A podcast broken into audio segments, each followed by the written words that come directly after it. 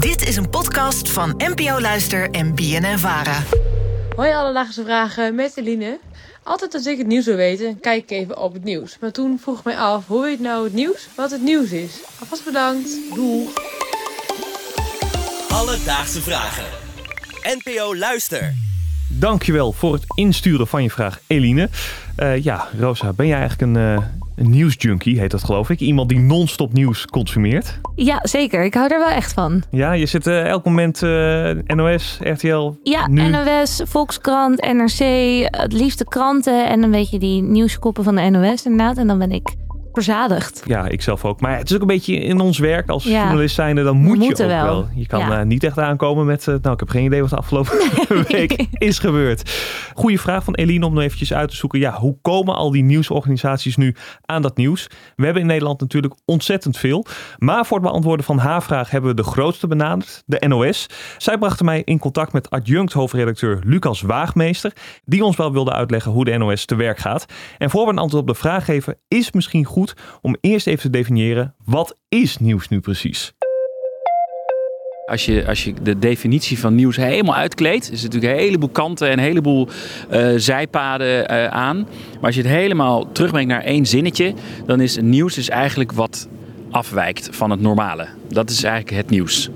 Dus wij zijn de hele dag vanuit dit gebouw, maar vooral buiten dit gebouw zoveel mogelijk, aan het speuren naar eh, momenten, plekken, mensen, eh, gebeurtenissen eh, die afwijken van het normale. Dat is dan in, onze, in, in een definitie, is dat dan nieuws. Dus eigenlijk alles wat afwijkt van wat normaal is, wordt als nieuws beschouwd. Ja, op zich heel logisch. Ja, dat is zo. Ja, als, als iets niet anders is, dan valt het natuurlijk niet op.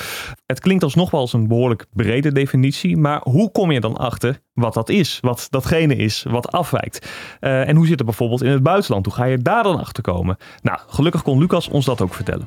In het buitenland hebben we natuurlijk zelf eh, hebben we echt een soort vooruitgeschoven posten, kun je wel zeggen. En dat zijn onze correspondenten. We hebben een netwerk van, van ongeveer 35 correspondenten van de NOS die dus overal in de wereld zitten. En zij, wat zij eigenlijk doen, is, is zij proberen het nieuwsbeeld wat wij hier bij de NOS maken voor Nederlandse, maar zeggen, proberen zij voor de plek waar zij zitten natuurlijk zo goed mogelijk in de gaten te houden. Stel je een correspondent voor in Zuid-Afrika, die verzamelt eigenlijk het nieuws in, wat in Zuidelijk Afrika speelt en brengt dat hier naar de redactie. Dus waarschuwt eigenlijk hier uh, de buitenlandredactie bij ons van jongens, volgens mij komt er hier een groot verhaal aan.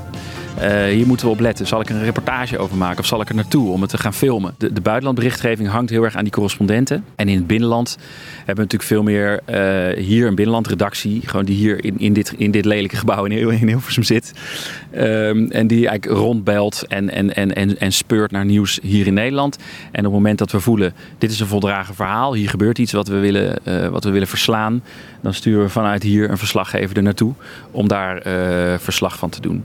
Maar hoe maken ze dan een selectie van wat is interessant genoeg omdat er nieuws van gemaakt wordt? Ja, het is natuurlijk ontzettend veel. Ja. Nou, hoe dat gaat, vertelt Lucas ook. Ja, dat is eigenlijk natuurlijk het, het, het werk wat, wat, wat de journalisten de hele dag doen. Dat is eigenlijk selecteren uit alles wat er gebeurt in de wereld. Van wat vinden we nou vandaag een, een, verhaal wat dusdanig afwijkt van het normale. Of een verhaal vandaag een verhaal is. Dat is onderdeel van dus selectie uit welke alle andere verhalen er spelen. En wat vinden we nu vandaag even belangrijk om ons op, op, om op in te zoomen. Maar ook onderdeel van de vraag, wat is de context rondom een gebeurtenis? Uh, en die is vaak heel belangrijk. Is, is dit een onderdeel van een bredere trend? Uh, gebeurt hier iets wat we nog niet wisten, waar we misschien dieper in moeten duiken? Dus die selectie die gaat eigenlijk over de rest van het nieuwsbeeld, zoals we dat altijd noemen. Dus, dus, dus wat speelt er verder? En, en, en ja, elke dag is het toch dan een beetje cherrypicken van waar kunnen we vandaag even op inzetten. En die selectie is onderdeel van context. Van wat, wat, wat, wat is hier, welke lagen zitten onder dit, deze gebeurtenis waarvan we vinden dit moet verteld worden. Alledaagse vragen. Nou, net hebben we dus gehoord hoe de NOS bepaalt wat er in het nieuws komt. En dan vooral um, over het 8 uur journaal en op de website, et cetera. Maar ik was ook nog even benieuwd hoe het bijvoorbeeld zit bij NOS Stories. Uh, veel jongeren, en jij waarschijnlijk ook Rosa, Zeker. die uh, volgt dat toch als primaire nieuwsbron of in ieder geval als nieuwsbron. En ik vroeg me af, houdt ze daar ook rekening met andere dingen om te bepalen wat daarvoor nieuws is?